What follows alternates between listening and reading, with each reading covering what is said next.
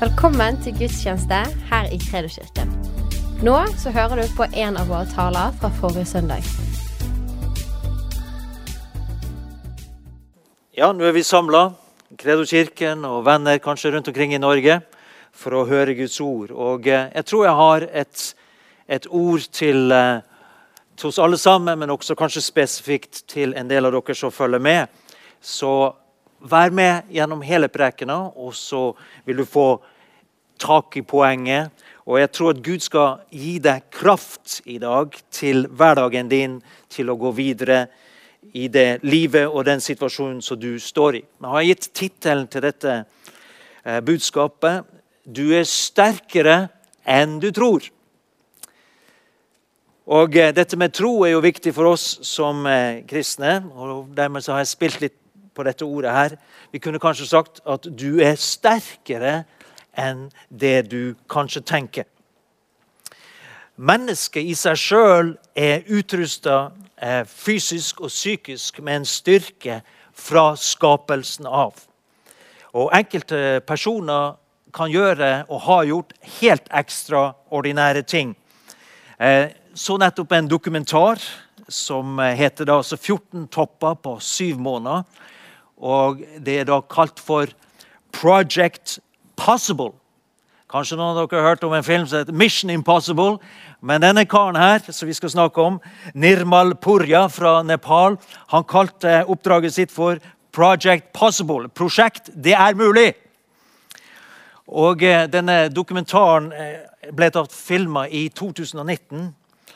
Eh, og Han hadde som mål å gjenopprette Nepals ære og sette sherpaene, disse som er med disse fjellklatrerne, og bære de tunge sekkene. Har du sett de gjengen der, så bærer de sekkene med 30-35 kilo opp igjen om fjellene.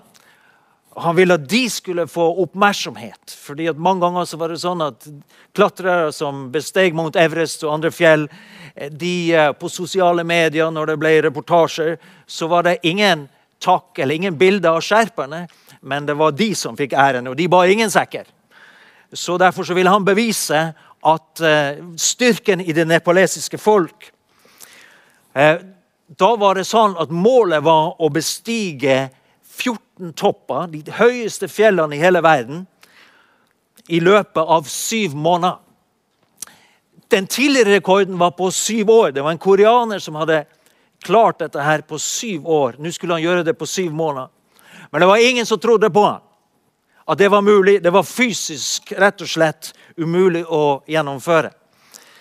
Han skulle opp på fjell i Nepal, i Pakistan og i, etter Kina.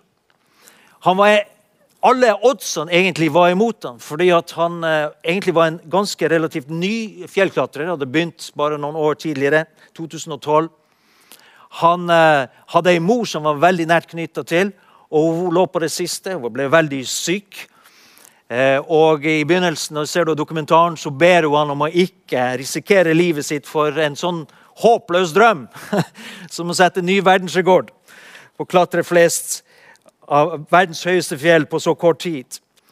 Han eh, hadde ikke penger. Han prøvde å få sponsorer over hele verden. Men det var ingen som trodde på prosjektet, så dermed så måtte han ta opp et gedigent huslån. Låne opp til pipa, som vi sier for at han var fast bestemt på at dette skulle han gjennomføre. Han har også en illsint eldrebror eh, som mente at han hadde gått bort fra alle økonomiske privilegiene som han hadde når han var i militæret, og satsa alt. og det her var jo Hele familien støtta seg jo på de inntektene som han har. Så han var uforsvarlig i storebrors sine øyne. Men når vi følger denne mannen, så ser vi hvordan han underveis mens han klatrer opp etter de første fjellene Alle disse er over 8000 meter, som jeg sa. Så er han kommet ned igjen og skal ta neste eh, transportetappe til neste fjell. Men da får han beskjed om at det er en mann som ligger oppe i fjellet, og han er i ferd med å dø. Hvis de ikke får henta han ned ganske umiddelbart, så kommer han til å dø. Så utmatta som han er, så tar han allikevel sammen med et par kompiser. De blir flydd et stykke opp i fjellet, og så går de og berger denne mannen. Så midt i det at han var så målretta på å sette ny verdensrekord, så hadde han tid til å berge liv. når vi hører om denne historien og hvordan han klarer dette her helt til slutt Flere ganger at han holder på å omkomme, men han er så innbitt på at dette skal han gjennomføre. Så, så ser du det en sånn eh, enorm kapasitet i menneskets egen styrke. Men det som vi skal snakke om i dag, det går langt utover det hva et menneske kan få til. Hva et menneske er kapabel til. Men rett og slett hva slags styrke Gud har lagt ned i de som tror på Han. Fordi at Den styrken som jeg og du snakker om når vi snakker om troen på Jesus, det er det at det er hans styrke, Jesus sin styrke, som skal fylle meg og deg. Og den kraften er faktisk ubegrensa. I Hebreerbrevet kapittel 11, vers 33-34, så står det noen fantastiske ord. Det står det om trosheltene i Gamle testamentet. Det står at ved tro beseira de kongeriker. Utøvde rettferdighet. Fikk løfta oppfylt. Stoppa gapet på løvet. Slukka sterk ild. Unnslapp sverdets egg. Ble gjort sterke etter svakhet. Eller i en annen oversettelse står det de ble gjort sterke etter sykdom. De ble, ble tapre i kamp og drev de fremmede hærer på flukt. Når vi leser om mange av disse heltene i Gamle testamentet, så vet vi at de var helt ordinære, vanlige mennesker som gjorde helt ekstraordinære ting fordi at de trodde på Gud. Mange av dem følte seg eh, kraftløse, uverdige. De hadde i utgangspunktet ingen sjanse til å lykkes, men allikevel så brukte Gud dem. Eh, navn som Abraham, Sara, eh, Josef, eh, Moses, Deborah, David, Daniel, menn og kvinner, mange mange andre som Bibelen nevner, gjorde helt ekstraordinære ting. Eh, makeløse historier om hvordan Gud har brukt dem gjennom at de også har vært svake. Så leser vi også i Haggai, profeten Haggai, kapittel 2, vers 4 og 5.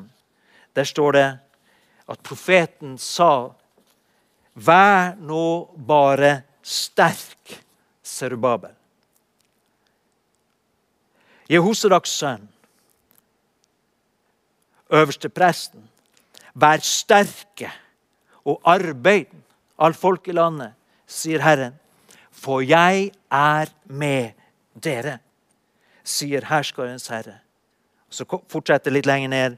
Min ånd skal bli værende iblant dere. Frykt ikke. Disse to lederne Serubabel og Josva var ledere for et, en liten gruppe mennesker som kom tilbake igjen til Jerusalem etter fangenskapet i Babylon. Og De hadde som instruksjon og som mål at de skulle bygge opp igjen tempelet i Jerusalem som var ødelagt. Og De begynte så vidt. Men så ble motstanden og truslene fra nabofolkene så stor at de ga opp. Og eh, det gikk nærmere tolv år uten at de bygde, fortsatte å bygge på tempelet. Men da sa profeten Hagai til dem at de skulle være sterke. Og at folket skulle være sterk. Så står det der litt tidligere i kapittelet at hele folket ble oppmuntret i sin ånd. Og de fikk kraft ifra styrke til å overvinne frykten. De fikk kraft til å overvinne tankebygningene om at dette går ikke, for de som er imot oss, er så mye sterkere enn oss. De som hater oss, så, har så mye mer våpen og ressurser enn oss. Men så fikk de kraft fra Gud, og Gud beskytter dem, sånn at de klarte å gjennomføre prosjektet med å bygge opp tempelet. Dette var helter i Det gamle testamentet. Jeg blir veldig fascinert av sånne heltehistorier. Jeg liker å se, lese historier om det, og eh, også eh, høre historier om hvordan mennesker er villige til å ofre seg, til og med ofre livet sitt for det de tror på. Eh, mennesker som ofrer livet for frihet, for rettferdighet, for det som har med beskyttelse og vern av folk og land å gjøre. Og Vi har sånne, mange sånne historier også i norsk i norsk historie som eh, jeg leste nettopp eh, om en av dem som er ganske eh, ukjent. Eh, men eh, alle vi, kjenner vi til Svalbard. Eh, og Norge fikk da på finurlig diplomatisk vis så fikk vi suverenitet over den øygruppen langt oppe i nord i 2020. Det var rett etter første verdenskrig. Mot egentlig det som kanskje hadde vært å regne som normalt. Men Norge fikk suverenitet over denne øya på visse betingelser. Det var at alle fra ulike land som hadde signert denne traktaten, de kunne komme, de kunne investere, de kunne drive næringsvirksomhet. Så det var en suverenitet med store begrensninger. Men så kommer vi til andre verdenskrig. Og fordi at det var masse kull der så hadde det potensielt en stor betydning, disse, denne øygruppen her. Og okkupasjonsmakten Tyskland kom på banen. Og man var redd for at de skulle få kontroll over disse ressursene da, på Svalbard og utnytte det i sin krigføring. Men i 1941 så kom han til den konklusjonen at man måtte evakuere all sivilbefolkning. Man flytte alle arbeidere fra Svalbard. Og på en måte det ble ganske øde og forlatt. Men etter hvert som krigen gikk sin gang, så skjønte man det at hvis ikke vi får noen folk på bakken på Svalbard, så er risikoen stor for at tyskerne kommer og så begynner de å utnytte ressursene. Kullet osv. Og, så og det kan bli en drivkraft for å vinne krigen. Det var også et utgangspunkt hvor de hadde værstasjoner, så de kunne følge med alle disse konvoiene som, som gikk fra de allierte for å nå Russland, eh, Sovjetunionen med forsyninger. Og det var masse, masse skip som ble senka av tyske ubåter og slagskip i dette området. her. Så det var et veldig strategisk eh, område. Men så besluttet man da, de allierte og nordmennene satt i London og bestemte seg for vi sender av gårde en liten gjeng, en liten gjeng med soldater til Svalbard. Som kan hevde retten på det territoriet der. Og det endte opp med, etter at ett skip ble senka, det var noen som overlevde, og de slo seg ned i Barentsburg. Etter hvert så kom de og fylte på med folk, så de hadde 152 mann. For å være til stede på Svalbard og bare hevde her er vi, dette eier vi, her står vi. Det er klart at Hva kan du gjøre med 152 mann på ei svær øy? Eller øygruppe. Og ganske så sikkert så det var, det var flere angrep, det var bombeangrep fra tyskerne osv. Men i 1943 i september så bestemte tyskerne seg at de skulle gå til Svalbard. Og så skulle de i hvert fall ødelegge alt som var der. Slik at de allierte ikke kunne utnytte ressursene. Så i september, eh, morgen, tidlig på morgenen 8. september så kom det et gedigent slagskip, Tirpitz. Pluss et, et annet slagskip eh, som kom innover fjorden, pluss ni destroyere. Og her lå de 152 mann og to kanoner og skulle forsvare seg mot en tysk hær, en tysk marine, som var råsterk. Hva gjør de? Hva skal de gjøre?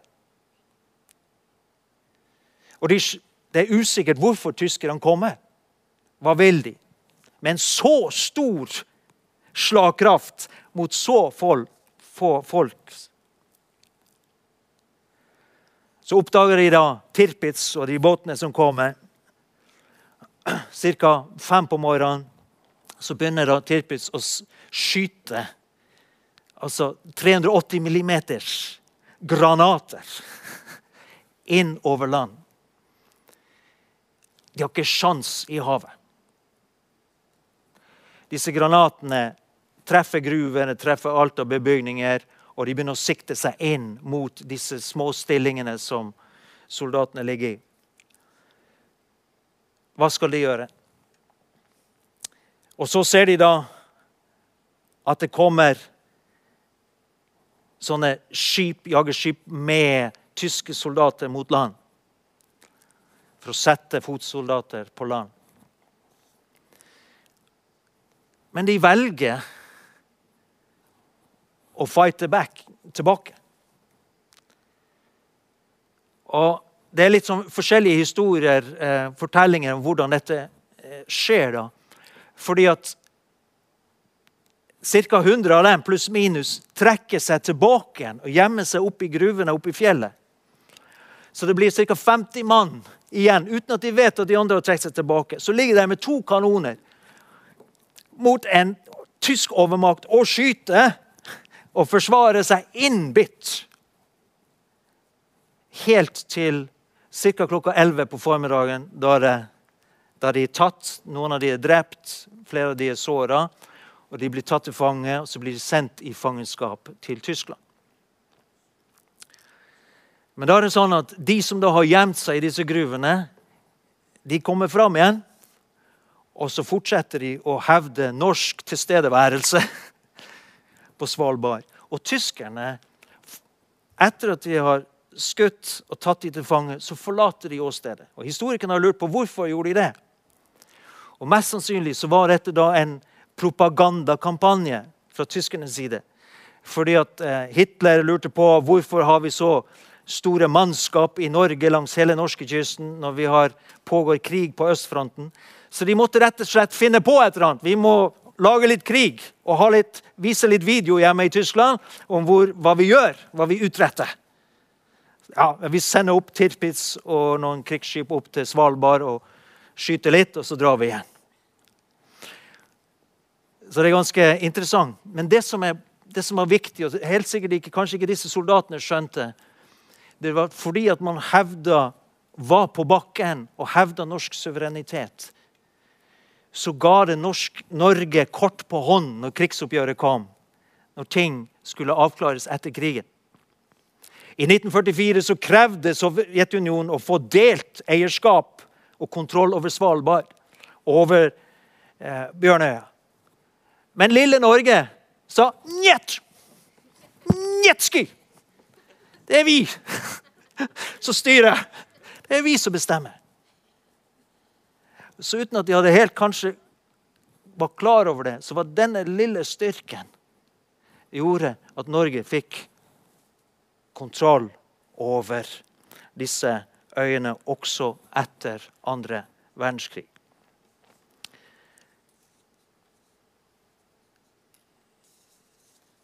Vi aner ikke, og du aner ikke hva vår innsats kan føre til. Noen ganger kan det vi gjør, virke en overmakt, og vi, vi, bare kjenner at dette er galt, dette må vi kjempe imot. Her, dette, ikke, dette går vi ikke med på. Og vi ber, og vi, vi taler, vi jobber, vi anstrenger oss. Og vi vet ikke hva det kan føre til, men det føles ofte som vi er underlegne og ikke har en mulighet til å lykkes.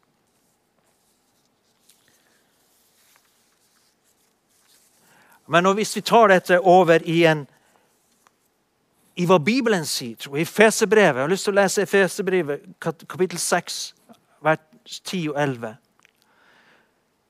Så sier Paulus til menigheten i Efesis, så sier han det. Til slutt, mine søsken, bli sterke i Herren og Hans veldige kraft. Ta på Hans fulle rustning så dere kan være i stand til å stå imot djevelens listige knep. Legg merke til formuleringen her. Bli sterke i Herren og Hans veldige kraft. Og Så står det at vi skal ta på rustningen. Og så skal vi være i stand til å stå imot ethvert knep ethvert angrep som kommer på våre liv. Litt lenger ned i 6.13 så står det Ta derfor Guds fulle rustning på, for at dere kan være i stand til å stå imot på den onde dag, og å bli stående etter å ha vunnet seier i alles ting. Stå derfor fast. Legg merke til hva han sier her. For at vi skal være i stand til å stå imot på den onde dag og bli stående etter å ha overvunnet, eller vunnet seier i alle ting. Leste du det samme som meg? I alle ting, står det. Jeg, mens jeg forberedte meg, så, så tenkte jeg Gud, kan du gi meg et bilde eller en illustrasjon på hvordan dette er mulig? Hvordan troen vår kan vinne og overvinne i enhver situasjon. Eh, og så får man en sånn, den nye, moderne livbåt, livbåter som er helt tett bygd. De de er sånn at, altså Flyttankene er sånn at om det kommer all slags bølger, store bølger, om de går under vann, så kommer de opp igjen. Om de blir snudd på hodet, så vender de seg rette veien igjen. Det er som ei kork som flyter på bølgene. Kan Du tenke deg, du kan ha de største stormene, de største bølgene. Men fordi man har flytetankene, og konstruksjonen er riktig, så går du over. Du takler alle bølger. Oppturer og nedturer, oppturer, nedturer. Om du så skulle komme under vann, så kommer du opp igjen. Og sånn er det med troen. Når vi lever i tro på Gud, på den sterke Gud, det er det at vi er som korka som flyter. Uansett storm og uvær. Og denne styrken har Gud lagt ned i meg og deg ved Den hellige ånd.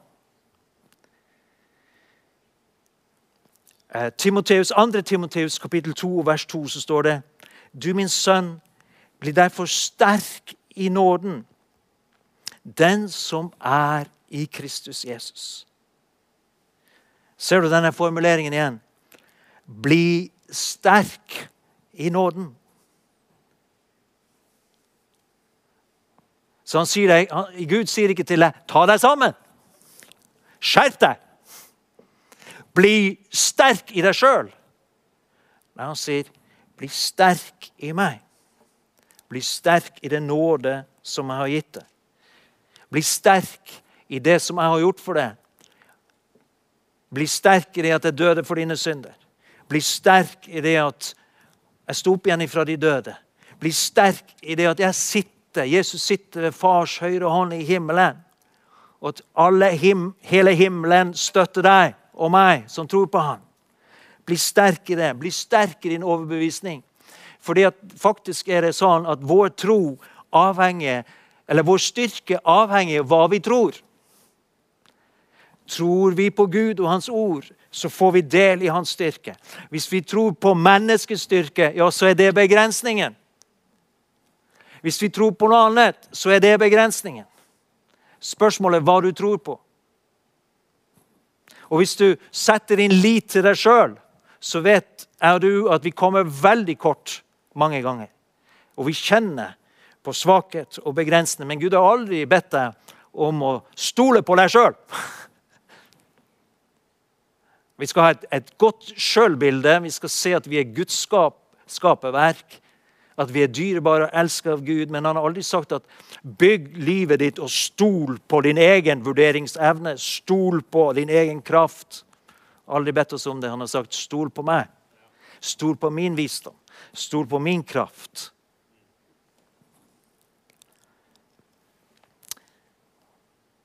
Filippe brevet 4,13 så står det Alt makter jeg i ham, altså i Kristus som gjør meg sterk, eller han som styrker meg.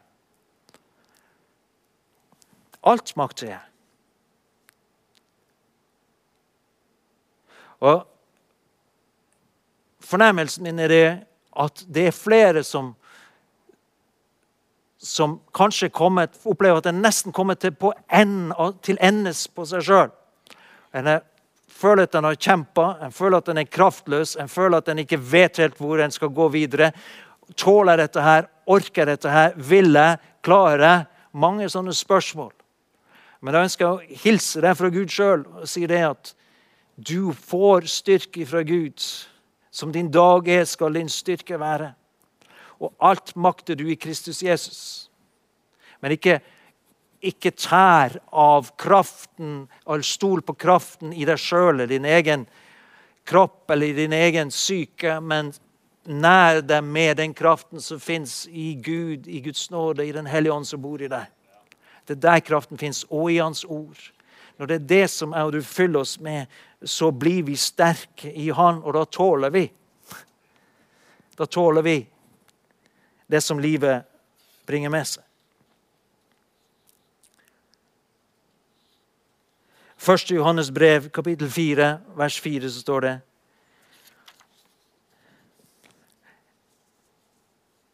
Dere er Guds barn. Dere er av Gud barn og har seiret over dem. Hvem er dem? Jo, han snakka om antikrist, antikristens ånd, den som er imot alt det som har med Gud og Guds rike å gjøre. For ham som er i dere, er større enn han som er i verden.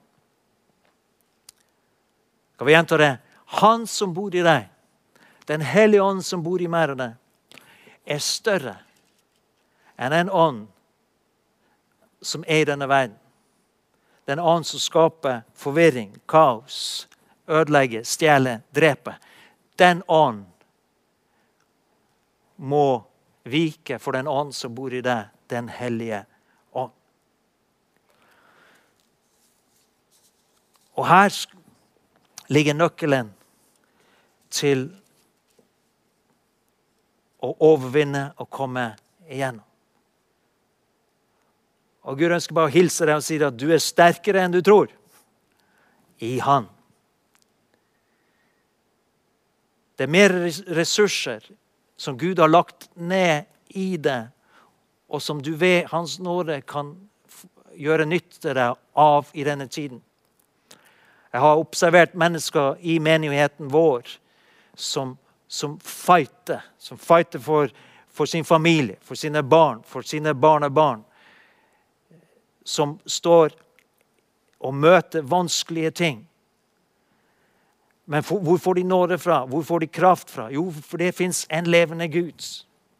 Han heter Jesus Kristus. Og Derfor skal vi fortsette å styrke oss i Gud og hente styrke og kraft ifra Gud. Og Det sier Herren til hele Kredo-kirken, og det sier han til Kristi kropp. Hent styrke hos meg. Vær sterk i meg.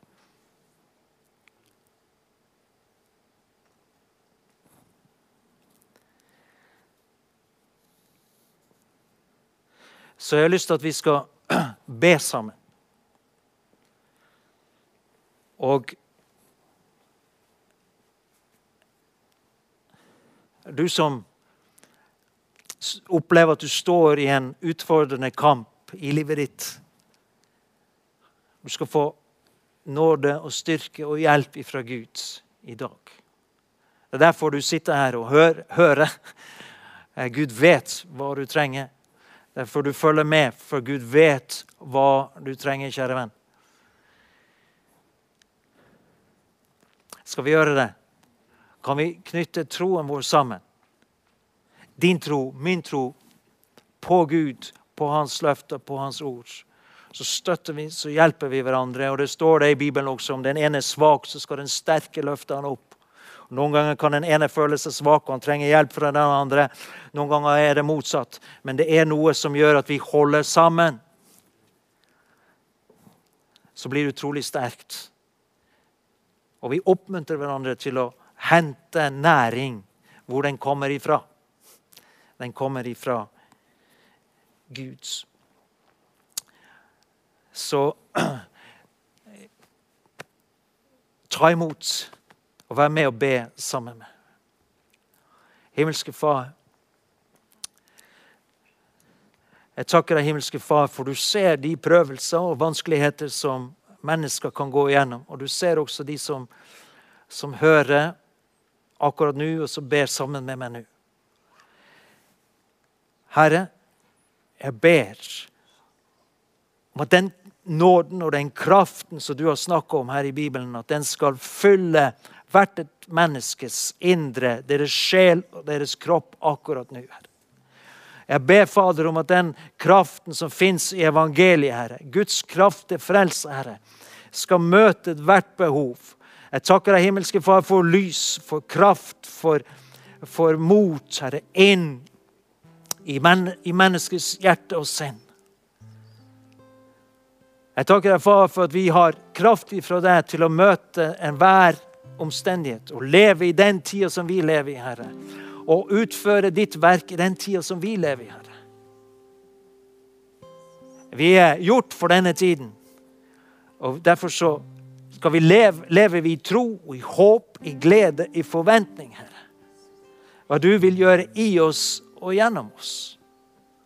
Jeg takker deg og priser deg, far.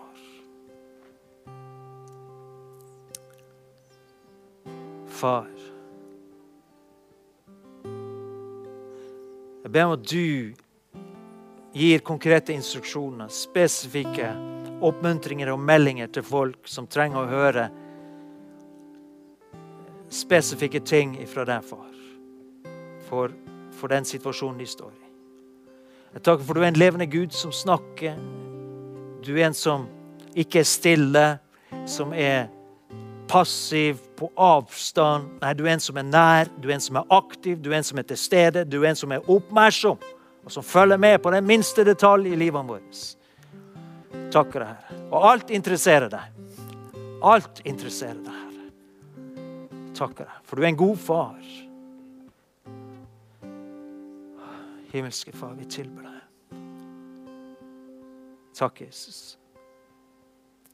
Far, hvis det er sykdom og plager, så ber vi Herre Jesu Kristi navn om at din nådes kraft skal drive bort all sykdom, all plage som hindrer mennesker å leve fullt ut.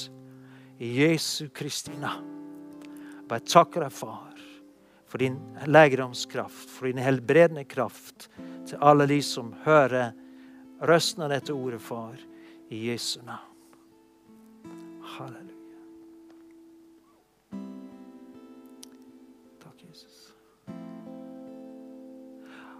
Og Jeg vil veldig gjerne oppmuntre deg også til å ta nattverden hjemme.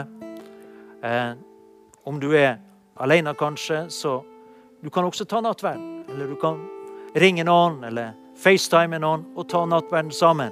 Og styrke hverandre på den måten. Eh, som vi hørte her, så har vi også en sånn bønnekampanje denne uka her. Og vi oppfordrer alle til å møtes i grupper, mindre grupper grupper og så rett og slett søke Gud sammen. Eh, ikke Når det er litt sånn nedstengning, og sånn, så er det veldig viktig å ikke stoppe opp, ikke bli passiv, passiv, ikke legge seg ned, ikke vente på at et eller annet skal gå over. Men bruk tiden til å søke Gud. Søke nær til Gud, søke nær til hverandre. Hold kontakten, be sammen, les Skriftene sammen og gjør ting sammen. Gå på tur sammen. Gjør ting som vi kan gjøre. Ikke bli passiv. Det er en sterk oppfordring. Halleluja. Tusen takk for at du lyttet. Følg oss gjerne på Instagram og Facebook, og så snakkes vi neste uke.